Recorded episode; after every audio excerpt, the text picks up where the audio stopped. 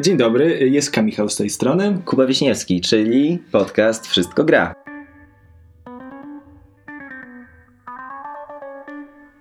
Dzisiaj zajmiemy się słowem porażka. Dum, dum, dum, dum. Może powiem jeszcze raz, żeby nie było chórem, bo nie Dobra. wiem jak to wyszło. Porażka? Porażka? Tak, być może nasze powiedzenie chórem było pierwszą porażką tego podcastu. E, Myślę, że nie pierwszą. to też prawda. E, Natomiast e, porażka e, według słownika języka polskiego PWN to przegrana walka lub rywalizacja, poważne niepowodzenie. Także wydaje się idealnie wpasowywać w tematy o grach. No tak, no właśnie. Gry mają to do siebie, szczególnie gry komputerowe, czy też gry, no właśnie, gry komputerowe, gry wideo. To jest to ładne, zbiorcze określenie. Mm, mają to do siebie, że przegrywa się w nich wyjątkowo dużo.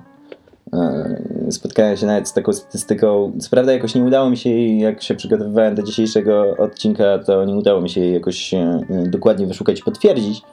E, No i też na zdrowy chłopski rozum ona na pewno nie stosuje się do wszystkich gier, ale że uśredniając gracz grając w gry komputerowe nierzadko spędza około 80% swojego czasu na przegranych. E, I jest to dosyć... No pytanie też, jak oni to określają, bo czy to jest na przykład cały czas przed porażką, no nie, bo załóżmy grasz misję i zginiesz, no to czy cały ten ciąg Mhm. gry to była porażka? No właśnie, nie? więc jakby nie ma co się chyba tutaj za bardzo do, do, tej, do tej statystyki jakoś twardo odnosić. E, ja sobie gdzieś tam mm, mocno e, przypomniałem taki tekst, który napisał pan Jesper Juhl, czy też Jasper Juhl. Jasper. A skąd jest kolega? E, Jasper Juhl. Nie wiem, nie mam pojęcia. Nie mam Okej. pojęcia. Nie mam pojęcia. E, e, jakby skąd pochodzi, tak? I, i, i ten, ale jakby na pewno jest łatwo to znaleźć. On napisał taki ładny e, esej Sztuka przegrywania, czyli esej o bólu, jaki wywołują gry wideo. Mm, I on dosyć ciekawie tam e, właśnie zajmuje się tym tematem, że właśnie ta porażka to cały czas ciągłe, e, ciągłe pokonywanie pewnych trudności jest, e, jest kluczowym doświadczeniem z punktu widzenia grania w gry. Że jest to jedna z tych rzeczy, która graczy mm, trzyma przy grze. Tak, on zresztą nawet sam pisze takie ładne zdanie. Nie lubię przegrywać, ale jeszcze bardziej nie lubię nie przegrywać. Mhm. I teraz, tak jak się obaj możemy zastanowić, co to znaczy, no to jakby mamy jakieś doświadczenia z tworzeniem gier, z testowaniem gier e, i e, wiesz pewnie doskonale, że jedną z gorszych rzeczy, jakie można zrobić, to taką grę, która jest zbyt łatwa. Tak, której nie można przegrać. Dokładnie. Właściwie porażki są e, paliwem, motywatorem często ludzi, no nie, bo przegrałem, no nie? Mhm. Ta gra jest trudna, to będę nią grał. Są takie gry, że są takie łatwe, że po chwili cię nudzą. Miałem ostatnio, e, ściągnąłem sobie zajarany tym, że wyszedł wersja jakby Pokémon Go, ale Harry Potter AR Mhm. em, Wizard Unite. Mhm. No i nie, nie umiem w to przegrać. I po 10 minutach się znudziłem. Po prostu chodzenie po mieście, zaznaczanie miejsca, jechanie palcem po y, ekranie, bo tylko Mhm. ktoś tam robi mniej więcej. I jakby nie mam świadomości, po, po co mi te wszystkie eliksiry, po co mi jakieś kurcze potiony.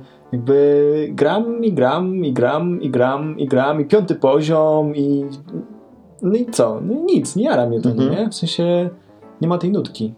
No tak, no właśnie, nie? że jest, jest, jest coś takiego, że jeśli gra robi wszystko za nas, tak? czy, czy, czy zarzuca nas jakimiś nagrodami, to jest w ogóle ciekawe to, o czym mówisz, tak? No bo w kontekście przegranych oczywiście od razu gdzieś tam implikuje nam temat też wygry, wygranych i, na, i nagradzania nas, co, co tak naprawdę jest dla nas nagrodą. No i jakby przykłady bardzo wielu nietrafionych designów czy nietrafionych gier pokazują nam, że jak nagród jest za dużo i jak są dla nas e, za łatwo dostępne, to bardzo szybko następuje taki rodzaj inflacji, tak? Jakby pierwsza skrzynka znaleziona na, na, na, na trasie jest, y, jest często atrakcyjna, tak? Bo y, jeszcze często się błyszczy, robi takie rzeczy, no to to nam zapowiada, że to będzie coś atrakcyjnego, ale jak się okazuje, że takich skrzynek na swojej trasie znajdujemy e, co 3 minuty jedną, no to jakby w pewnym momencie po prostu straci, przestanie nas, nas ciekawić, co jest w środku, przestanie nam to e, nas to jakoś zajmować i stanie się zupełnie, zupełnie nudne.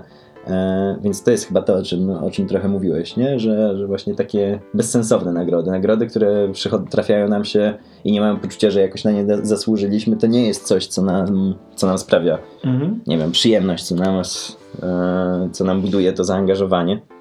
A jednocześnie miałem na myśli to, że taka gra, w której się nie przegrywa, miejsce, w którym nie poniesiesz porażki, nie jest wyzwaniem. A Mhm. gra jest wyzwaniem, jakby jak sama definicja gier yy, tłumaczy, wskazuje, jakby gry to pokonywanie bezsensownych yy, wyzwań. Tak jest, dobrowolna próba pokonywania niepotrzebnych przeszkód. O, To dokładnie. jest bardzo fajne. I tutaj, tutaj od razu mi się też włączają dwa, dwa inne wątki, bo mówisz o grach, w których nie można się, e, nie można przegrać i te, te nas nudzą, ale są również takie gry, w których nie można wygrać. Jak się nad tym zastanowimy. Nawet Tetris, o którym mówiliśmy ostatnio, nie? Jest taką grą, która w zasadzie koniec gry następuje w momencie twojej porażki. Nie ma, No tak. nie ma innego momentu, nie? Mhm. E, w A, sumie- cho- choć nie wiem, może są takie wersje Tetrisa, które można przejść. E, Niby, kurczę, niby się coś słyszało, to, yy, były. Na pewno był, yy, kiedyś widziałem jakąś taką mobilkę, która mm, dodawała coś w rodzaju misji, tak, że miałeś na przykład, nie wiem, ściąć ileś tam linii na tym poziomie, albo dobudować tak, żeby dojść do jakiegoś poziomu, tak, czyli niektóre linie musiałeś ścinać, niektóre fragmenty tej budowli, utrzymywać jakieś tam, no są oczywiście takie No wersje, tak. no ale ten bazowy, podstawowy Tetris, czy nie wiem, czy inny e, hicior e, tych e, sal informatycznych dla wszystkich urodzonych w, w okolicach roku 90, czyli IC Tower, prawda? Tak, tak. To też jest gra, w której skaczemy do góry, do góry, do góry. To była taka prosta, może nie wszyscy już, już kojarzą IC Towera, to była gra, w której e, wcieliliśmy się w takiego chłopaczka ubranego na bardzo skaters, skatersko, który z jakichś powodów e, znajdował się w wieży, która miała nieskończoną wysokość, nieskończenie wiele platform. Trzeba było skakać od jednej do drugiej i nie spaść, a jednocześnie ekran cały czas szedł do góry, więc mógł nas zjeść w którymś momencie. E, No i oczywiście to, co się tam wykręcało, to z jednej strony rekordy tego, jak wysoko się doszło, z drugiej strony e, można tam też było mm, ten specyficzny rytm mm, pewnych kombosów e, wykonywać, więc też się grało i na punkty, i na naj, najszybszy kombos, ale jakby tam nie dało się wygrać w tą grę. No, nie, nie było tak, że gdzieś na górze tej, tej, tej wieży czekała na nas jakaś, nie wiem, księżniczka czy, czy deskorolka, nie, nie wiem, co dla niego mogło być atrakcyjne, tego skejcika. Mam parę pomysłów, ale może nie wchodźmy w to. No w każdym razie jakby nie było tam nic, tak? Jakby były tylko co 100 poziomów zmieniała się, zmieniała się skórka stopni. To było, to było w zasadzie jedyna chyba taka czysta nagroda, która tam była. Wiesz co, miałem o tyle mało do powiedzenia na temat tej gry, że grałem z nią chyba dwa razy, ale widziałem jak inni grają i nigdy nie czaiłem czymś takie grają tą grą, bo jakby nie rozumiałem tej Aha. zajawki. Ale z drugiej strony, nie wiem, grało się we Flappy Birda. A, no No, to jest idealny przykład też gry, która po prostu idzie, no nie? I Mhm. idziesz na rekord, czyli ile więcej przejdziesz tych kolejnych e, rur, które tam nie pozwalają ci przejść. Teoretycznie oczywiście jest Mhm. możliwość przejścia, ale jest to strasznie trudne. I tutaj po prostu porażki za porażkami szły, pamiętam. Tak, no właśnie, ale to też było i to też było to, co właśnie Flappy Bird to też jest w ogóle mo- moment, w którym, w którym mam wrażenie w ogóle temat takich trudnych gier się zaczął pojawiać i to jest w sumie ciekawe, bo Flappy Bird jest no, typowym mobilniakiem, tak? Jest taką Mhm. grą skrajnie prostą, wręcz prostacką. E, Jest, jest mobilna, jest, obsługuje się to tym jednym pacnięciem, nie ma żadnego, żadnej skomplikowania sterowania, a z drugiej strony faktycznie jest to gra o bardzo wyśrubowanym poziomie trudności, tak? Ilość razy, kiedy zginęło się przed pierwszą rurką była, była zastraszająco wysoka. I to też jest taki trend, który się pojawił w ogóle na rynku gier, gier e, no nie wiem, w ciągu ostatnich tak mniej więcej już mm, dobrych kilku lat. Myślę, że nawet pod 10 to już zaczyna podchodzić, tak? Czyli wszystkie te był taki moment, w którym gry zaczęły się robić bardzo nastawione tak zwane na, na tego casualowego gracza, tak? Czyli zaczęły powstawać gry, mm, tam nie wiem, te wszystkie Nintendo Wii, e, te klimaty, te Mhm. czasy, tak? Kiedy mm, była taka próba wśród dużych wydawców właśnie przejścia tych gier do, do takiego rodzinnego gracza, tak? Stworzenia gierek, które są dosyć proste, dosyć łatwe, takie familijne, dokładnie, takie, Mhm. które cię prowadzą, ale też w tych y, produkcjach, nie wiem, typu jakieś tam Tomb Raidery czy nie Tomb Raidery, wtedy też pojawiło się dużo tych quick time eventów tak zwanych w grach, czyli tej mechaniki, która przerywa ci akcję i w zasadzie zamienia ci grę w y, taki interaktywny film, w którym po prostu na refleks musisz nacisnąć jakiś właściwy przycisk, Mhm, mhm. ale to nie jest takie stricte sterowanie postacią, tak jak em, no tak jak, nie wiem, w starych grach, bijatykach czy zręcznościowych, gdzie, gdzie jeśli ja, e, ta twoja postać ma wykonać jakąś wyjątkowo złożoną, akrobatyczną animację, tak? Czy to będzie walka, Mhm. czy to będzie jakieś wspinanie się po platformach, to wynikało również dużej zręczności od ciebie jako gracza, tak? Wprowadzenia tej kombinacji przycisków w odpowiednim tempie, w odpowiednim tak. momencie i tak dalej. A tutaj masz wszystko jakby wyświetlone na ekranie, tak? Akurat teraz musisz wcisnąć X w tym momencie albo strzałkę w górę, bo gra ci akurat to wyświetla na, na, na ekranie, a to co się dzieje z twoją postacią jest jakby... To nie jest tak, że ta strzałka w górę zawsze będzie, nie wiem, odpowiadać za skakanie na motorze w ten sposób. Po prostu w tej scenie taki jest. Mhm. E, więc dużo tego typu rozwiązań zaczęło do gier wchodzić, dużo właśnie samouczków, pomocy i tak dalej. No. A potem nastąpiło, nastąpiło takie odbicie, mam wrażenie dosyć duże. Zaczęły się pojawiać e, gry takie jak, nie wiem, e, która była pierwsza, nigdy nie pamiętam. Nie Demon Souls, tylko no wszystkie te, te, A, te no. ta seria From Software e, japońskiej firmy, która wydaje właśnie dużo takich gier, które są dosyć do siebie podobne. E, Łatwo mnie przegrać.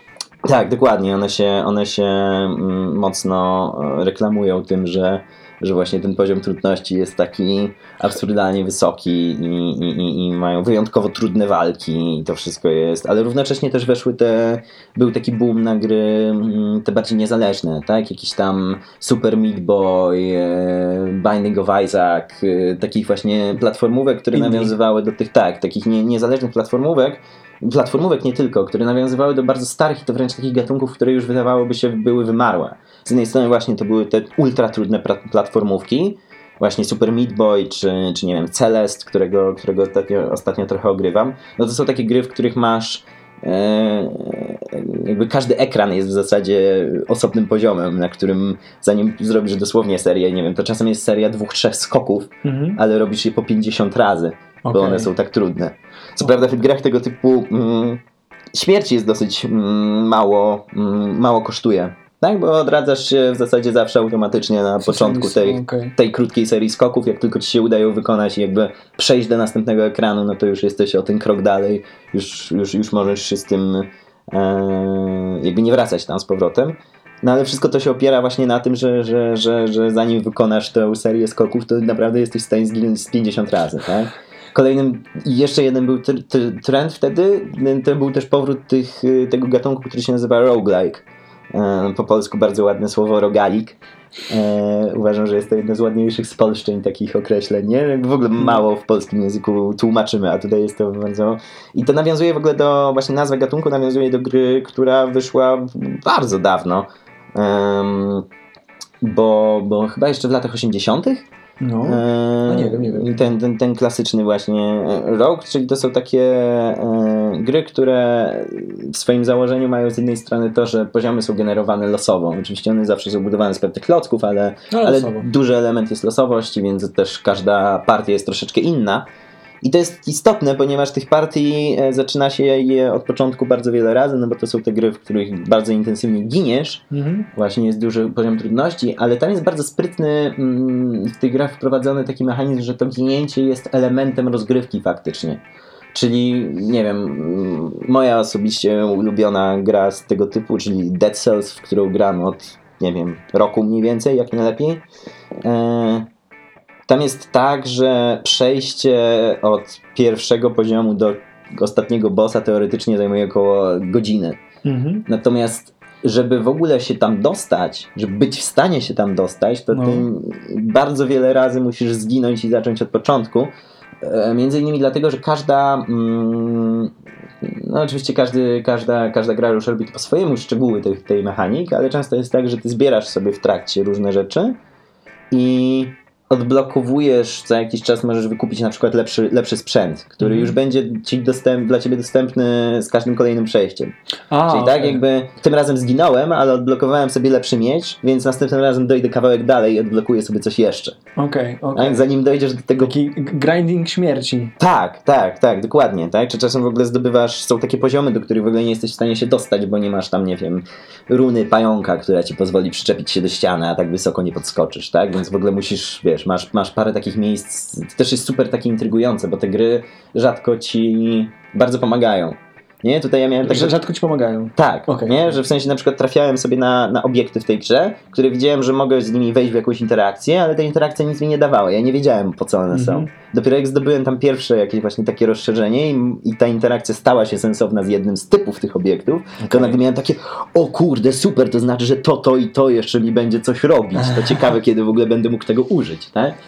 E, więc też są takie mm, właśnie fajny ten element nagrody dodatkowy, który ci pokazuje, że masz jakieś elementy tego świata, którego w ogóle nie rozumiesz Mhm. i musisz jeszcze trochę poginąć, żeby móc je zrozumieć, nie? Że wręcz chcesz wrócić do tego pierwszego poziomu, bo tam widzisz, że są jeszcze jakieś ścieżki, których w ogóle jeszcze nie byłeś w stanie otworzyć nawet, nie?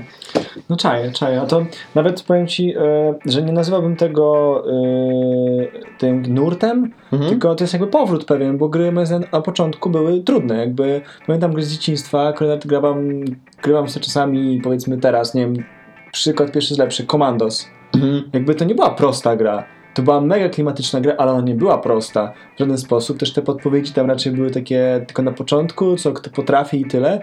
A teraz są takie gry, że prawie cię prowadzą po prostu za rączkę przez grę. Ale też wynika moim zdaniem to z tego, że y, gry są już projektowane nie tylko jako coś, co ma się sprzedać raz, ale jako pewne serie gier Mhm. jakby i producentowi zależy na tym gry, żebyś ty ją przeszedł. Bo ty dojdziesz do momentu, który macie przy- teoretycznie skusić do tego, e, żebyś ponownie zagrał w grę, jak wyjdzie druga część na przykład, tak? Bo zwiąże się z postacią, czy coś takiego.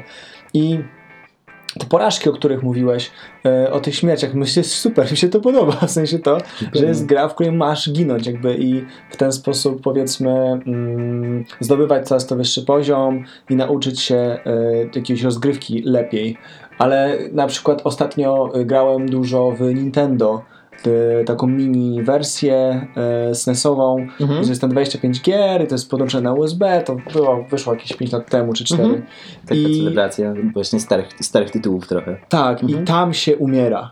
Tam się naprawdę umiera i przegrywa, ale z drugiej strony za każdym razem dochodzisz, nie wiem, jedną misję dalej i nagle masz, o kurde, znam już tą misję. I są misje pierwsze, które chodzisz z zamkniętymi oczami, wiesz jak skakać i tak dalej, ale dopiero te nowe, które są, wow, nowa misja, wow, co to za jaszczurka, co mam z tym robić, czy cokolwiek. Mhm. Jakby, Zabija cię po dwóch sekundach, więc znowu przechodzisz te, które już znasz na pamięć bardzo szybko i dopiero odkrywasz, co z tą jaszczurką można zrobić. Nie? dokładnie, to jest moim zdaniem super, jakby to mega napędza do tego, żeby kontynuować rozgrywkę.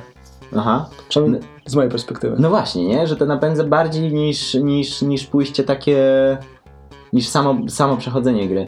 Właśnie było też ciekawy, ciekawy przykład. Mm, mm, tak właśnie to za, zawsze jak mm, Joanna Średnicka, e, założycielka, pracownik gier szkoleniowych, jak początkowo żeśmy e, moje pierwsze gry jakieś tam razem robili, to pamiętam, że było takie pytanie, które ona mi zadawała. mm, e, A czemu miałabym tego nie robić?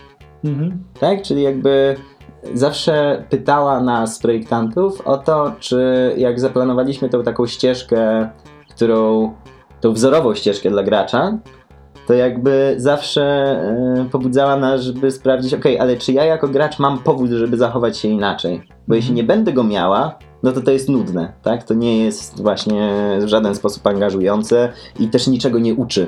No bo jeśli ja nie mogę popełnić błędu, to nawet nie będę wiedział, że takie zachowanie tym błędem jest, tak?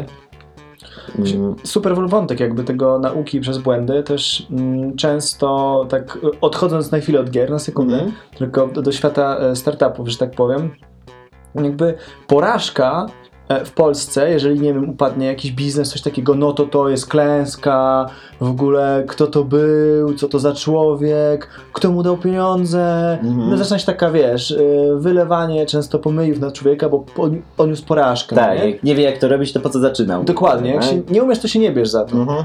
A z drugiej strony masz podejście amerykańskie, gdzie się bardzo celebruje porażki. Jakby, jeżeli firma upada, po załóżmy po roku, jakaś technologiczna w Silicon Valley, to na końcu robi się fuck up night. Na temat tego, ym, tego startupu, tej firmy, której się nie udało.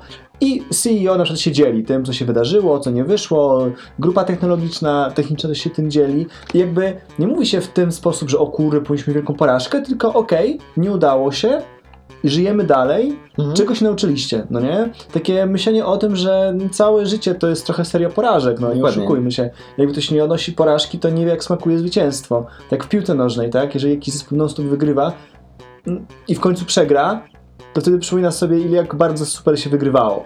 Mhm. Bo teraz przegraliśmy. I jakby jak nie ma tego poczucia w rywalizacjach sportowych, czy mm, tej refleksji na temat tego, y, że porażka jest po to, żebyś ty odniósł kolejny większy sukces, to się źle podchodzi do porażki. I to jest w ogóle problem ym, częst. No, zdarzają się ludzie wpadają przez w depresję, bo ponieść porażkę, coś im się nie udało, nie rozumiejąc w naszej kulturze, że porażka to jest naprawdę e, nawóz pod zwycięstwo, pod sukces kolejny. Nie? Im więcej porażek masz, to tym więcej masz tego gówna, żeby go porozrzucać po polu i coś ci w końcu wyrośnie. Dokładnie. Zresztą to jest, to jest też duży problem i wiele, jakby wiele się o tym mówi i próbuje się to już odczarowywać. Zresztą myślę, że widzę, że nawet w tym, w tym świecie takiego dużego biznesu i korporacji to już na górze to jakby widać, że czy nie wiem, czy nawet w świecie mm, choćby celebrytów, nawet nie co tych bardziej rozsądnych internetowych, tak? Że ludzie czują się takimi zakładnikami tej kultury sukcesu. Tak? Zwycięstwa. Dokładnie, że z jednej strony musisz odnosić zwycięstwa i tylko to można pokazać, tak?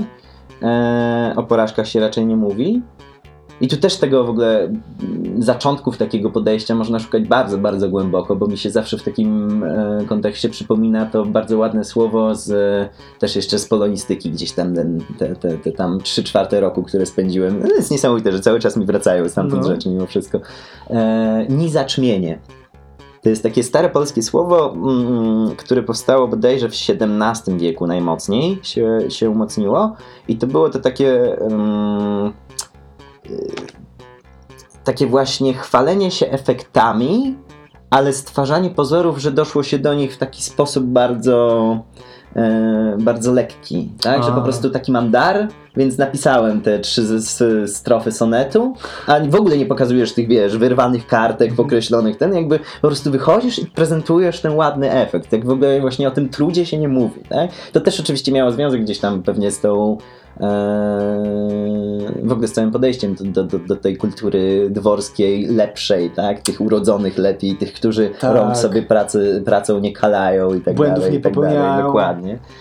E, namaszczonych przez Boga i tak dalej. Ale właśnie ciekaw jestem, czy, czy, czy dałoby się przeciągnąć taką ciągłą linię od tego nizaczmienia do dzisiejszej e, propagandy sukcesu? Pewnie nie, e, a może tak, to są zawsze takie rzeczy, które trudno interpretować. Ale, mm, ale właśnie fajne jest to, że, że to co powiedziałeś, tak, że właśnie w tych grach, w których ta przegrana jest z góry wpisana i to też właśnie jest Jul dalej, dalej gdzieś tam też o tym pisze, e, że to jest y, jakby w momencie, w którym ta przegrana jest wpisana w tą rozgrywkę z góry, to zmienia od razu nasze postrzeganie tej, tej, tej porażki. Mhm. I, I myślę, że to jest w ogóle też jeden z ważnych wątków takiego, mm, takiego grania w gry, które może nam, nas, nas, nam dobrze zrobić, tak, jako ludziom. O, jest pół do szóstej, więc dzwonią nasze okoliczne dzwony. Pozdrawiamy Widać dzwony proboszcza, elo, elo. Na Ursynowie nie tylko o 6 rano, prawda, nachrzaniają. E, No ale jakoś to wytrzymacie, to zawsze jest taki przyjemny e, może element tutaj lokalnego e, folkloru, który Może moment na refleksję taki teraz. Taki tak, można Czy się może- słuchać dzwony i zastanowić nad ostatnią porażką porażką. naszego setupu. Ach, dobra. E, nie, nie przejmowałbym się chyba tym mm, tak bardzo. Więc właśnie, nie? Więc jakby mm, z jednej strony to jest to, jest to że, e, że jakby nastawiają nas na to, tak? Elementem tego procesu jest porażka. Czasem ta porażka nawet nie wynika z, naszego, z naszej winy, bo często, tak jak mówiłem, w tych grach jest, są elementy losowości. One wpływają zarówno na na przykład wygląd poziomu, wygląd plansz, po których chodzimy, ale również na przykład na to, jaki zestaw broni nam się trafi. Tak Mhm. zwane buildy postaci, tak tam się pojawiają.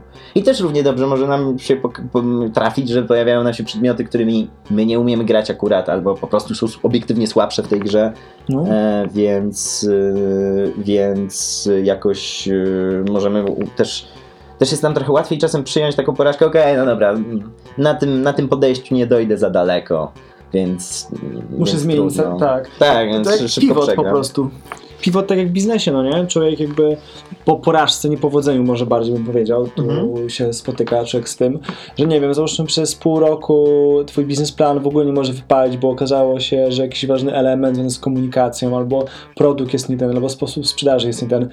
I jeżeli potrafisz sobie powiedzieć, odniosłem porażkę, albo to nie działa, Mhm. to jest niepowodzenie, to jesteś w stanie jeszcze zadziałać, nim się, się skończą zresztą pieniądze No tak. i e, pójść w innym kierunku, tak? Spróbować No tak. coś inaczej. Minimalizować te straty, tak? Choćby, bo może po prostu nie masz szans na więcej, tak? Tak, tak. Mhm. Jakby i tak naprawdę porażki często, szczególnie jak rozmawialiśmy jeszcze na samym początku, był ten, powiedzmy może nie rozmowa, ale sz- szybkie rzucenie przez ciebie testowania gier. Mhm. Jakby, jeżeli test gry pójdzie świetnie za pierwszym razem, znaczy, że przeprowadziłeś zły test gry. Jakby, jeżeli wszystko idzie super, Mhm. to coś tu nie gra. Przynajmniej jest takie jest moje podejście, że jeżeli nie potrafisz wskazać jakiegoś błędu, tego co zaprojektowałeś po tym teście, e, czy tego co się, że tak powiem, e, wydarzyć miało inaczej, albo no, jeszcze jakiś inny element Tak. powiedzmy się nie udał, no to sorry, ale Szczególnie to jeśli, szczególnie jeśli to był jeden z, nie wiem, czterech, pięciu pierwszych testów, tak? Tak, Jakby, tak. y, To Ale wtedy właśnie na pewno. Weźmy ten pierwszy, no nie? Pierwszy Mhm. musi porażką. Kolejny też w pewien sposób, ale już może mniejszą, albo bardziej dopieszczoną e, porażką, bym Tak. powiedział. E, I ciekawe miałem e, ostatnio refleksję na temat e, tej gry, którą projektowałem, Aha. e, Mhm. że jakby projektowałem ją niby z kimś, ale tak naprawdę miałem bardzo wysokie taką potrzebę, że to jest moja gra, ona musi być świetna. Aha. I pamiętam, że pierwsze testy poszły na tyle tragicznie, z mojej perspektywy, jak o tym myślałem potem, że zostawiłem tę grę na rok prawie, że dopiero kilka tygodni temu ją odkopałem i zacząłem znowu jakby zastanawiać się, jak można by ją było zmienić i tak dalej, bo po prostu ten ciężar porażki, który się pojawił, no bo jest jakiś ciężar dla człowieka, też musi Mhm. umieć się z tym jakby zmierzyć. I jeszcze będąc sam z tym, miałem takie poczucie, że nie, yy, nawet chyba, nawet nie powiedziałem sobie tego wprost, tylko zacząłem to zakopywać innymi rzeczami. Mhm. Jakby inne rzeczy stawały się ważniejsze, Mhm. spadła, e, spadł priorytet na tej grze. Mm, Jakby to poradzenie sobie z porażkami jest też bardzo ważnym procesem w dojrzewaniu człowieka i często nie e, jakby nie, nie że nie wskazanym, e, często jest niewspieranym. Aha. I to naprawdę w wielu osobach moim zdaniem widać po tym, w jaki sposób przyjmują porażki. Jeżeli prawda. ktoś nie umie przegrywać, znaczy, że prawdopodobnie całe życie wygrywał, albo miał łatwo, Mhm. albo nigdy się nie nauczył przegrywać. No Mhm. oczywiście e, samo przez się tutaj e, widać. I to szczególnie widać u dorosłych facetów, z mojej obserwacji, grających w piłkę. Jeżeli typ nie potrafi w wieku 30 lat przyjąć, okej, no przegraliśmy, no czasami się przegrywa, czasami się wygrywa, tylko się wkurza, szarpie, wiesz, klnie i tak dalej, no to sorry, ale Coś poszło nie tak. tak, coś poszło nie tak. No więc właśnie, więc to jest kolejny, kolejny może argument na to, żeby rodzice jednak y, nie krzyczeli tak mocno na swoje dzieci, które grają w gry komputerowe, bo to jest naprawdę jedna z, i to pod właśnie wieloma względami, jedna z takich fajnych, naturalnych bardzo i dosyć takich bezpiecznych tak naprawdę metod właśnie nauczenia się radzenia sobie z, tą, z tymi porażkami i trochę wkalkulowywania ich w swój, w sw- w swój po prostu proces, albo na przykład znajdowanie innych w ogóle, innej przyjemności w, danym, w, danej, w danej grze niż, niż ten stricte wynik, tak? Mhm. To też jest w ogóle e, ciekawy wątek e, tego, jak ludzie czasem sobie właśnie dodają dodatkowe, jeszcze, jeszcze więcej niepotrzebnych trudności. Jest cała Mhm. masa, e, zresztą ta scena YouTube'owych graczy, tak? Ludzi, którzy streamują jakoś swoje rozgrywki, no to No. często, żeby, czy to z powodu tego, żeby samemu postawić sobie po prostu jakieś ciekawsze wyzwanie, czy żeby zrobić coś, co będzie się dodatkowo klikało, to na przykład jest taki trend, że e, postanawiają przejść grę nie używając na przykład jednej z kluczowych mechanik, tak? Nie wiem, przejść A. Duma nie, nie strzelając, albo przejść jakąś grę RPG typu, nie wiem, chyba Sk- Skyrim był takim przykładem, e, przy użyciu jakiejś absurdalnej broni typu, nie wiem, widelec, tak? Jakieś rzeczy, które zadają jakieś pojedyncze stopnie obrażeń. I ta gra staje się zupełnie innym rodzajem wyzwania nagle, albo nie wiem, przejść całą grę, nie wiem, nie skacząc ani razu, no i różne są No tak, tak, tak, podejścia. I gdzie stawiasz sobie zupełnie dodatkowe, takie nawet niezałożone przez twórców wyzwanie, a, a które po prostu dodaje ci przyjemności. I, I też jakby my lubimy to, tak? Jak się nad tym zastanowimy, to wcale to nie muszą być przecież gry komputerowe. My lubimy ludzi, którzy, nie wiem, wszelkich sztuk mistrzów, tak? Takich ludzi, którzy po prostu się popisują, umówmy się, no. Mhm. Tak, robią coś absurdalnie trudnego, jeszcze dodatkowo utrudnionego, ale, ale nas to ciekawi. No zresztą, nie wiem, ten nasz polski Himalajzm zimowy, tak? Eee, Tak, tak, tak, Czyli tak. jakby to, że, że, że, że Polacy w tym momencie stwierdzili ej, dobra, nikt jeszcze nie wchodził na ośmiotysięczniki zimą. No może dlatego, że to niebezpieczne, ale my spróbujemy. Dokładnie, a czemu nie? A co? A co? Dokładnie, tak? Czy, czy nie wiem, czy jeszcze wszystkie. No, Ale- pra, pra, praktycznie w każdej dyscyplinie znajdziemy tych ludzi, Tak, którzy tak. próbują jakby prze, przeciągnąć tą poprzeczkę jeszcze kawałek dalej i jeszcze sobie podwyższyć i sprawdzić. Nie? I to też jest takie ciekawe, bo to jest bardzo naturalne w nas, a jednocześnie gdzieś sobie wszyscy czujemy, że jest taki poziom, w którym to ma sens, którym nas to jara, a z drugiej strony jest taki poziom, w którym już czujesz, że ktoś jest głupi trochę, nie? Przesadzasz. W sensie, rozumiem, że lubisz chodzić po ścianach, ale przestań chodzić po tym wieżowcu, Tak. jeszcze z obciążnikami na nogach, cokolwiek. No, jestem Spider-Man, no nie? Człowiek się przeza pająka Tak, tak, i tak, chodzi dokładnie. po wieżowcach. No to słyszałem, że on mm, kiedyś tak zrobił, że wszedł z czymś ciężkim jakby na górę i o to chodziło. Mhm. I zrobili potem z tego jakąś akcję marketingową, z jakimś, kurde, komputerem czy czymś takim. W sensie nie, Okej, no, mogę się pomylić okej. teraz, ale jakby nie o to chodzi. Jakby to pokazuje tą chęć pokazania się i przekroczenia tej granicy, ale Mhm. co, co to ma do niepowodzeń, Kubie? Co to ma do niepowodzeń, porażek? E, To jest pewne skalowanie trudności, a wraz z skalowaniem trudności ta częstotliwość porażek się zmienia. Znaczy w sensie, bo to jest właśnie ciekawa rzecz, tak? Bo mm, szczególnie twórcy gry dość gier dość mocno jakby weszli w ten temat, no bo to poszukiwanie stworzenia takiej idealnie wciągającego doświadczenia jest no, takim złotym gralem w tej branży. Tak? Im bardziej zrobisz angażującą grę, im bardziej zrozumiesz, co ludzi angażuje, e, no tym masz po prostu przepis na zarabianie pieniędzy w tym, w tym kontekście. Pieniądze. Pieniądze, dokładnie to.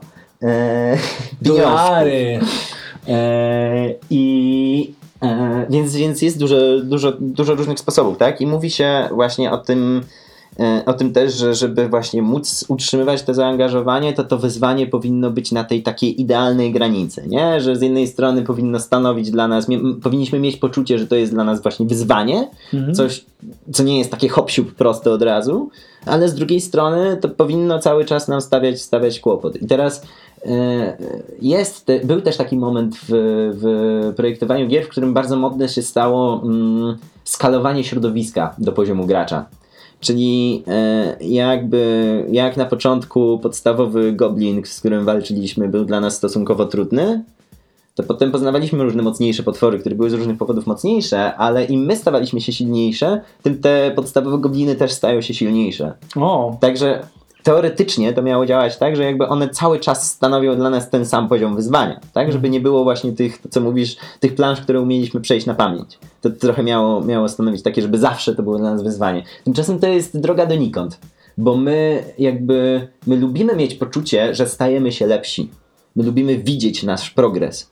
Więc ja chcę tych goblinków pokonywać jednym tam w ogóle machnięciem palca na którymś poziomie, bo ja wtedy widzę, jaką potęgą się stałem, tak? jaką drogę przeszedłem. Dokładnie. No na tak. początku te gobliny mnie zabijały, a teraz to w ogóle, fu, panie kolego. Panie, tak? te gobliny to w ogóle... Zresztą to, co mówiłeś o tych, o tych starych grach, tak? gdzie masz tą, ten pierwszy poziom, który przechodzisz już teraz z zamkniętymi oczami, ale też do tego poziomu, jakby zanim przeszedłeś ten pierwszy poziom, no to też pewnie trochę czasu minęło. No tak, Właśnie- dojść do tego trzeba. Dokładnie. prostu, no. Właśnie w Dead Cellsach to jest fajne, że teraz współcześnie dużo, tam nie wiem, Steam na przykład mierzy ci ile godzin grałeś daną grę. Ja Aha. pamiętam, że właśnie jak pierwszy raz udało mi się pokonać pierwszego bossa w tej grze, tak? Czyli nie w ogóle, to, to jest mniej więcej jedna trzecia tej, tej rozgrywki, to mi to, to mi zajęło jakieś 20 godzin.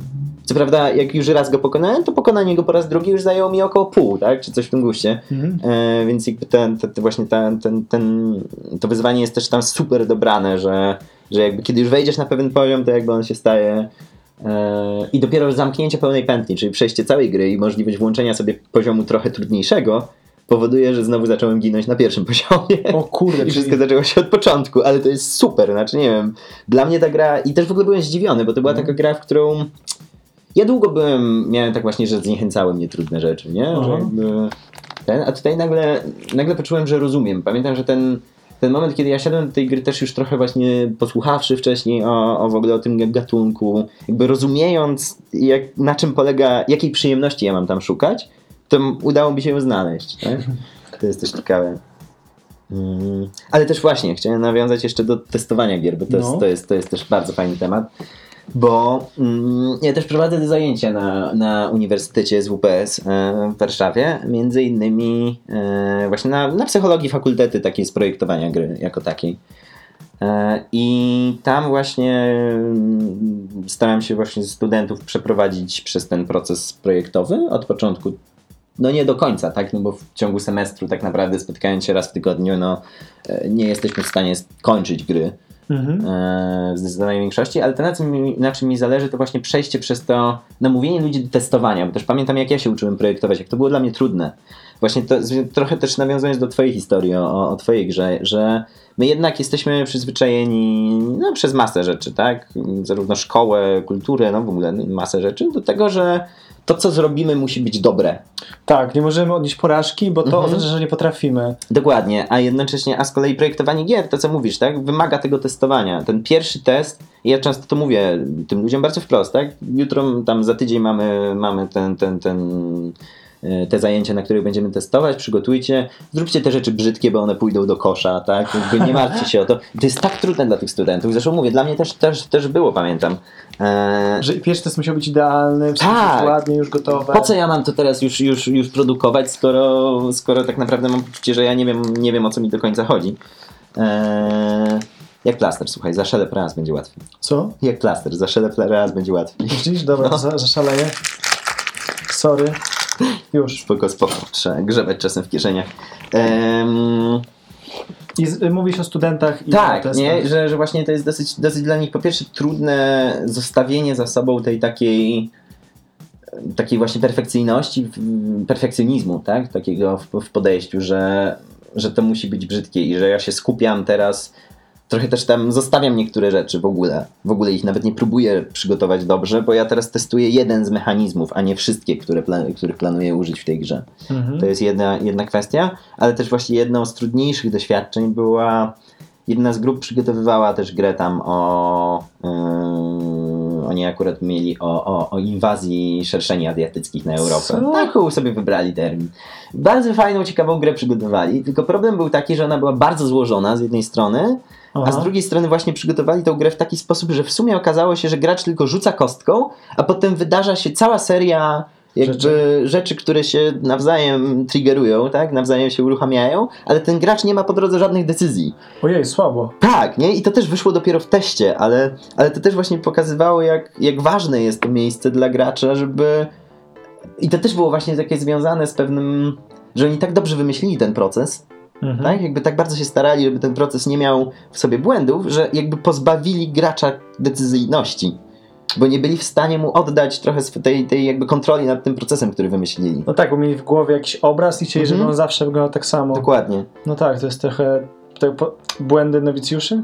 Trochę tak, e, ale to też pamiętam, że było dla nich, no to była w ogóle fajna grupa, bardzo, bardzo dobrze mi się z nimi współpracowało i też e, oni byli bardzo zaangażowani, a potem się z nimi umówiłem na takowe spotkanie, pogadałem z nimi, przepracowaliśmy to razem, bo też to było strasznie trudne dla nich, bo oni jednocześnie włożyli całą masę pracy No. w, te, w, te, w ten prototyp, a dostali po prostu taki tak fatalny feedback od grupy, no zresztą trudno się dziwić, no bo to, to nie była fajna zabawa, tak? Była bardzo złożona, a jednocześnie nie dawała ci za wiele do, do, do zabawy.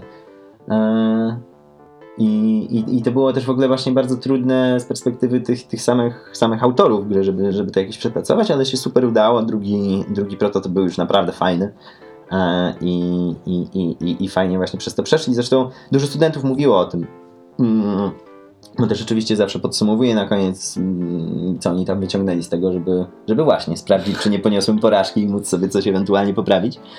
E, I oni właśnie dużo mówili, ta grupa dużo mówiła o tym, że, że właśnie ta sztuka prototypowania i, i też przyjmowania i dawania feedbacku jest bardzo ciekawa, bo to jest też taka rzecz, której w zasadzie ja, ja trochę nie pomyślałem, że, że też będzie wartościowa dla nich w tych zajęciach, Mhm. że przez to, że oni e, są na równi, bo każdy, każdy coś projektuje, każdy jest w jakiejś grupie, który projektuje, a potem kiedy są te zajęcia, gdzie się testuje, no to, e, no to jakby wszyscy grają w swoje nawzajem.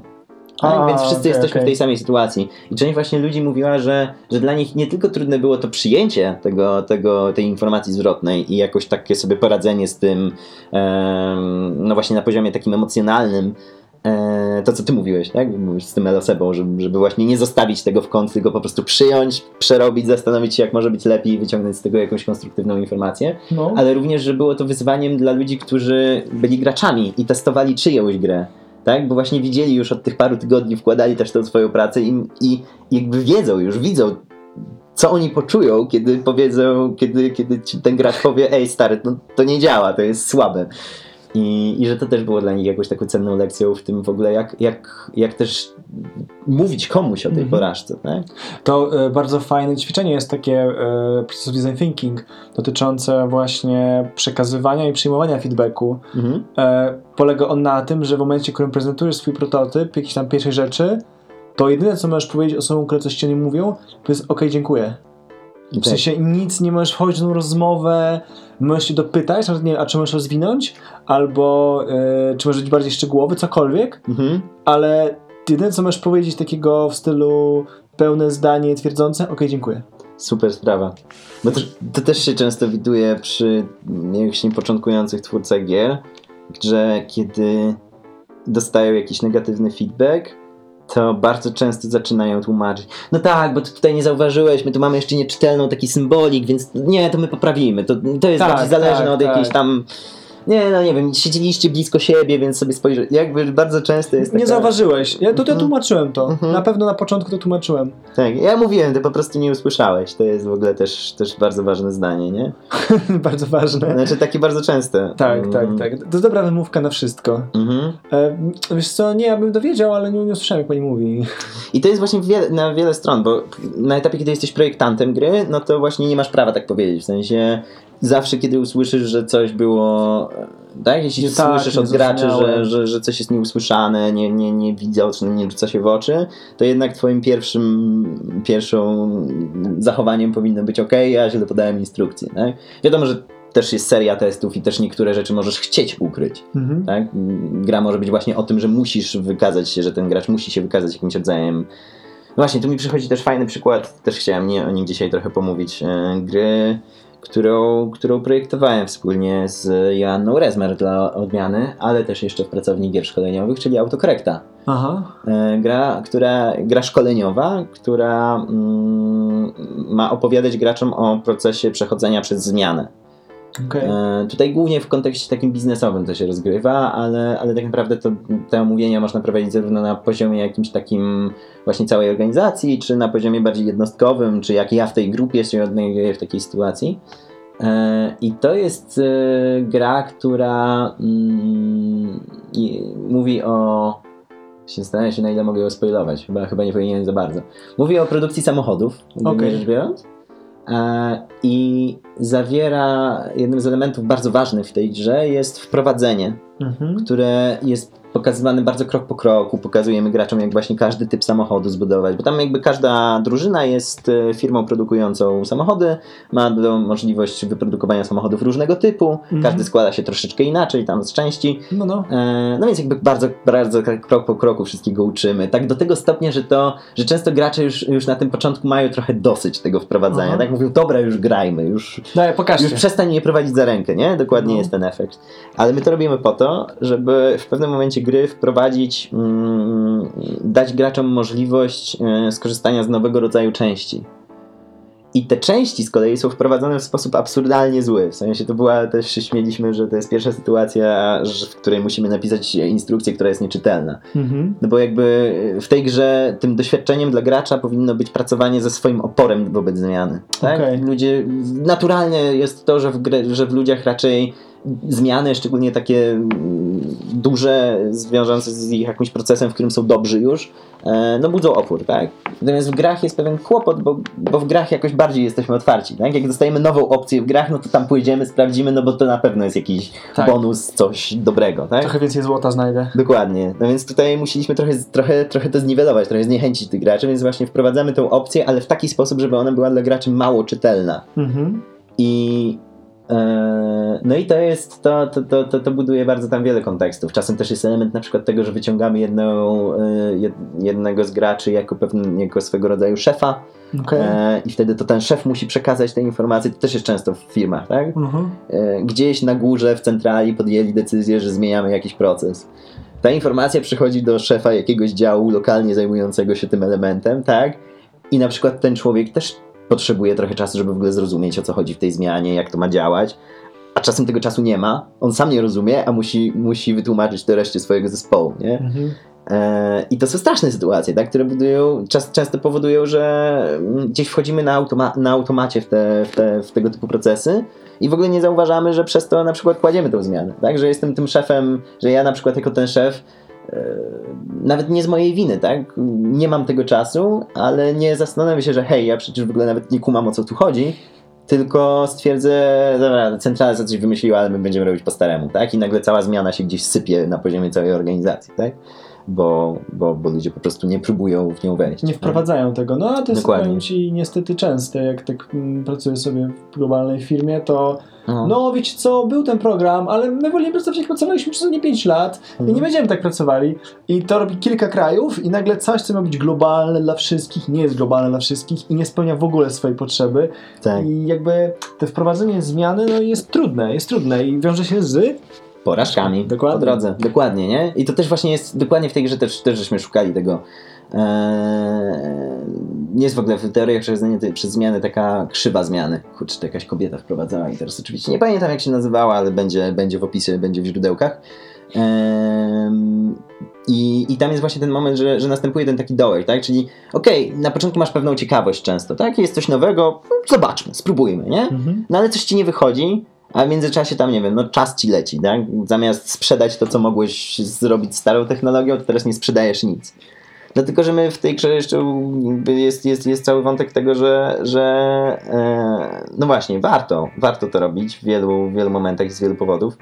E, i, I też często w ogóle widać, e, są, są takie rozgrywki, w których ludzie, którzy byli na prowadzeniu w starej technologii, Mhm. trzymają się jej dalej, bo widzą, że mają, mają dużą przewagę na rynku, tak? Bo tam też się konkuruje między drużynami No, no, no. oczywiście, więc oni mają na tyle dużą przewagę i wiedzą, że są na tyle dobrzy, że po prostu mówią, dobra, nie, nie próbujemy tego nawet. Spójrz, tamci spróbowali, w ogóle nie dostali żadnych punktów w tej, w tej rundzie, nie wchodzimy w to. Mhm. No ale tamci, którzy z kolei nie mieli za wiele do stracenia i stwierdzili, no dobra, w tej rundzie znowu nie dostaliśmy punktów, ale w sumie i takich dostawaliśmy mało, no to coś tam jeszcze pokombinujmy, bo wydaje mi się, że, że widzimy jakiś, jakiś potencjał w tej zmianie i nagle oni w ciągu dwóch rund są w stanie gdzieś tam dogonić, przegonić, bo faktycznie te rzeczy są, są na tyle opłacalne, tak? Skrowalne. Tak, dokładnie, nie? Że czasem te korzyści są takie, że, że, że, że one są właśnie bardzo duże, jak się je przeliczy, pomyśli.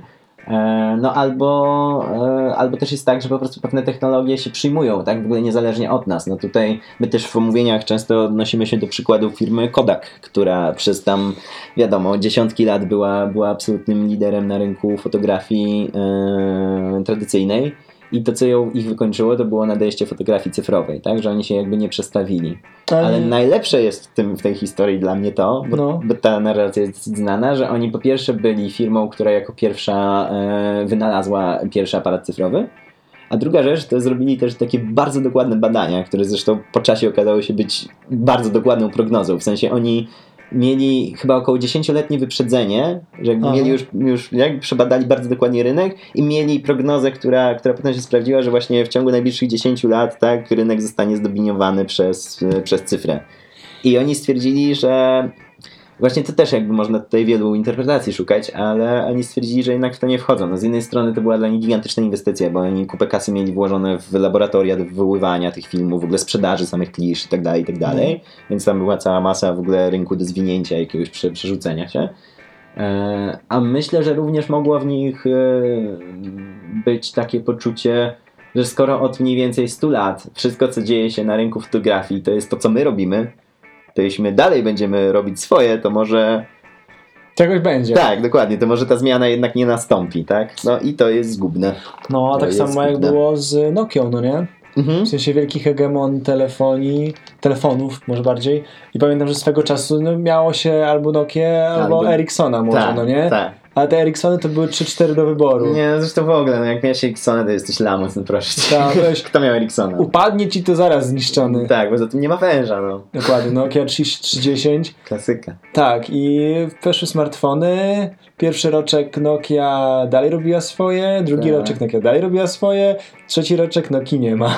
Dokładnie. No jednak z, z, z, e, takie jakby nieświadomość tego, że się odnosi porażkę, też jakby bywa e, często bardzo, bardzo problematyczne. Czy to dla firmy, czy dla człowieka. Jakby ta nieświadomość i wręcz wypieranie tego, że pono, podnoszę porażkę, wmawianie sobie i innym, że ja jako człowiek, nie, nie poniosłem porażki, to e, wszystko idzie dobrze, tak jak powinno iść. To jak z tym e, zdjęciem czy memem e, tego pieska, który je...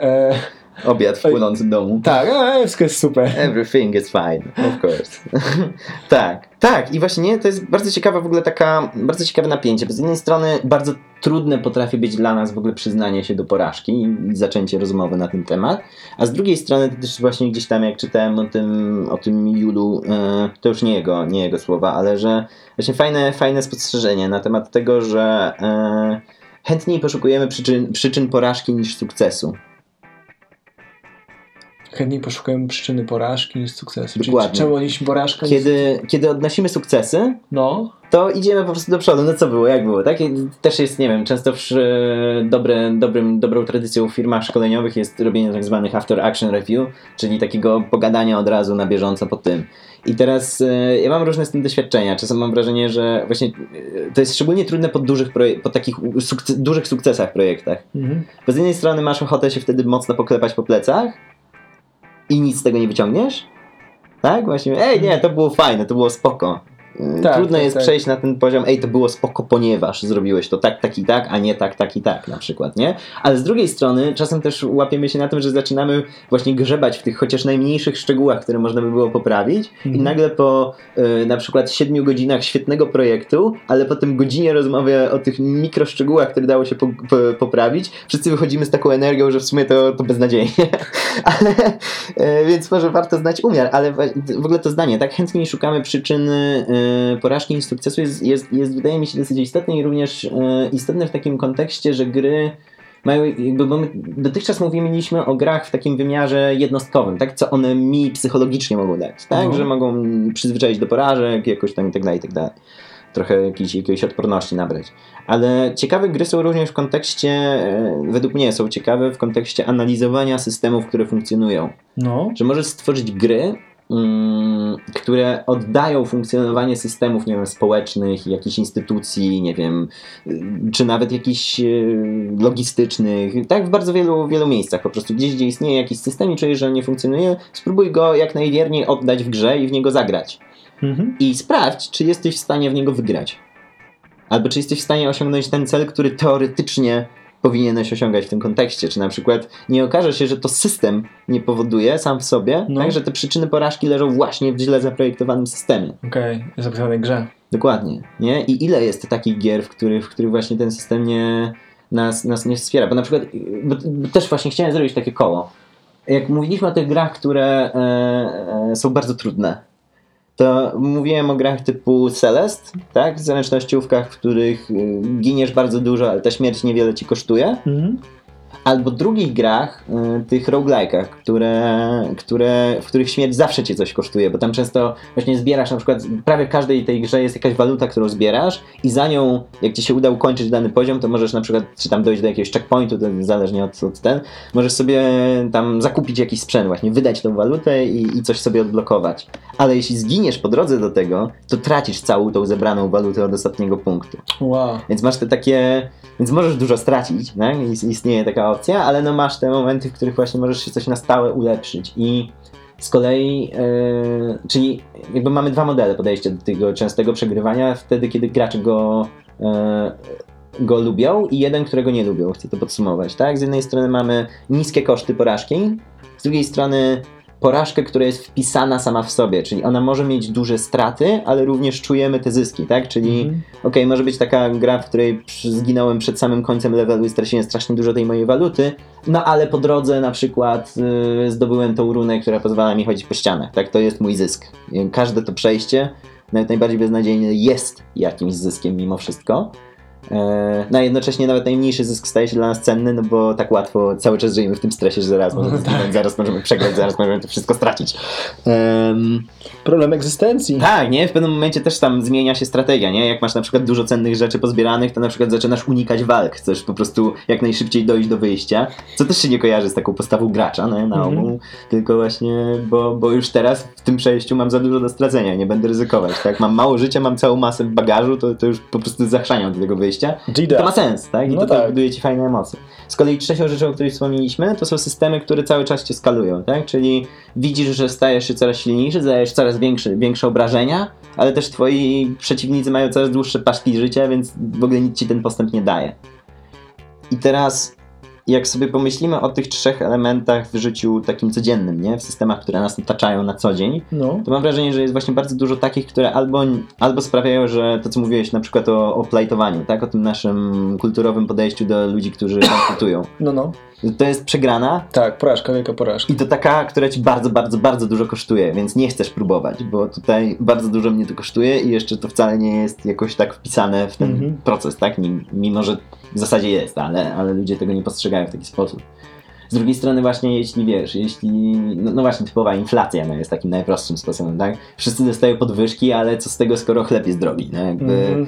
tak, takie sztuczne zwiększanie płacy minimalnej, no nic nie daje, bo Wszystko inne też wszystko drożeje, in- tak. inne też drożeje, tak? E, I że właśnie mam wrażenie, że jest bardzo dużo.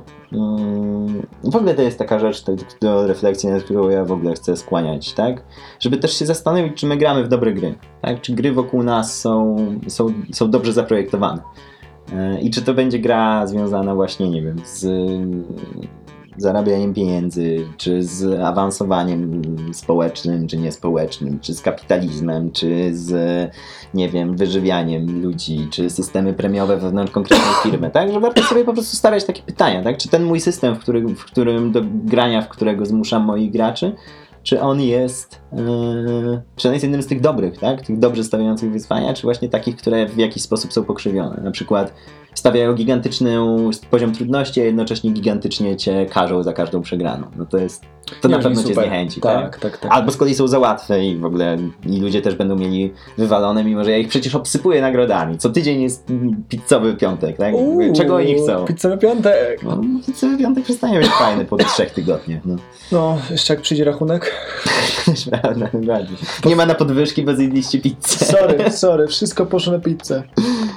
To byłoby straszne. No, więc to są jakieś takie też rzeczy, które, e, których warto szukać. No i właśnie, nie? Że, że, żeby, żeby sobie refleksyjnie zawsze podchodzić do tych spraw. No i pamiętaj, że też zmiana zasad jest możliwa. No zawsze, jakby zmiana zasad, zmiana mechaniki gry, którą projektujesz, jakby po takich testach. Bo jakby mam- mam wrażenie, że trochę nawiązujesz do testów w tym momencie. No też, no. jakby jest y, no, podstawą projektowania czegokolwiek. Kurczę, weź sobie Picassa, który namalował swoje największe obrazy, czasami o tym nie wiedzą, po 40 razy. Aha. I on potem miał różne wersje tych obrazów e, rozmalowane różnymi kolorami i tak dalej i dopiero później wybierał ten, który mu się najbardziej podobał, czy coś takiego. A co robisz z tym na, na brudno? Zostawały, w sensie A, okej, idziesz, są. idziesz do Muzeum Picassa i tam widzisz różne wersje tego samego obrazu, który on namalował. To jest w ogóle świetna taki mind game, no, mindfuck, Mhm. że jakby wchodzisz myślisz, o kurczę, ile on w to włożył, no nie? Tak samo jak widzimy, na przykład kojarzymy Mozarta, Bacha, jakieś ich Mhm. utwory, no nie? 3, 4, 5, a oni napisali tego setki. No tak. Jakby niektóre z nich były totalnymi porażkami, jakby ludzie nienawidzili ich, tych, tych utworów, jakby puścili je, że tak powiem, zagrał je raz i usłyszał, dobra, e, wiesz co, tego lepiej nie. No i jakby nie mówi się o tym, albo świetny przykład dla mnie jest zawsze, nie wiem, Michael Jordan czy Cristiano Ronaldo. Wszyscy mówią o ich wielkich sukcesach. Nikt nie myśli o tym, ile nieśli porażek, ile załóżmy e, Michael Jordan razy nie trafił z tak zwanego e, jeden na jeden z koszem, Mhm. e, ile Cristiano Ronaldo razy nie udało mu się jakiś dribbling, nie udało mu się jakieś pod, podanie, bo widzimy ten sukces, no nie, który przykrywa tą porażkę. Dokładnie, nie? I oni. Tak, dokładnie. Chętniej szukamy przyczyn porażki, ale to, co widzimy, to, co zapamiętujemy, to jednak są sukcesy, tak z zewnątrz patrząc, nie? Na, na, na ludzi. Tak, I to też się tym ludziom udziela, tym ludziom sukcesu. Przecież oni też. e, odlatują. Albo odlatują, albo wręcz e, właśnie popadają w jakiś rodzaj depresji, bo czują, że przestali mieć prawo do tych porażek. Nie? Tak. Że to jest też, też mam wrażenie, dosyć często takie, takie spojrzenie, że, że jak coś mi się nie udaje, a, a wszyscy ludzie na mnie patrzą, no to to już jest. Ja w ogóle nie jestem w stanie wyjść wtedy, nie jestem sobie w stanie czegokolwiek zrobić ze sobą, tak? Że jestem skazany na sukces. Mhm. Czy nie wiem, ci młodzi artyści, którzy, tak, nie wiem, młodzi reżyserowie, czy, czy, czy właśnie, nie wiem, piosenkarze, tak, wydają pierwszą płytę, którą nagle wszyscy się faktycznie zachwycają, odnoszą ten taki najwyższy sukces i nie są w stanie wydać drugiej, bo, bo po prostu już nie wiedzą, tak? No. Albo wydają drugą i mają poczucie, że to nie to, że ludzie ich nie rozumieją, Mm. i coś innego i tak dalej. Mhm. No, niestety tak to jest. Ale no, trzeba do tego podchodzić refleksyjnie i mieć świadomość tego, miej wątpliwości, jak to powiedział Łona. Moi przyjaciele, bądź uprzejmy mieć wątpliwość. Dokładnie, dokładnie. Zawsze ładnie.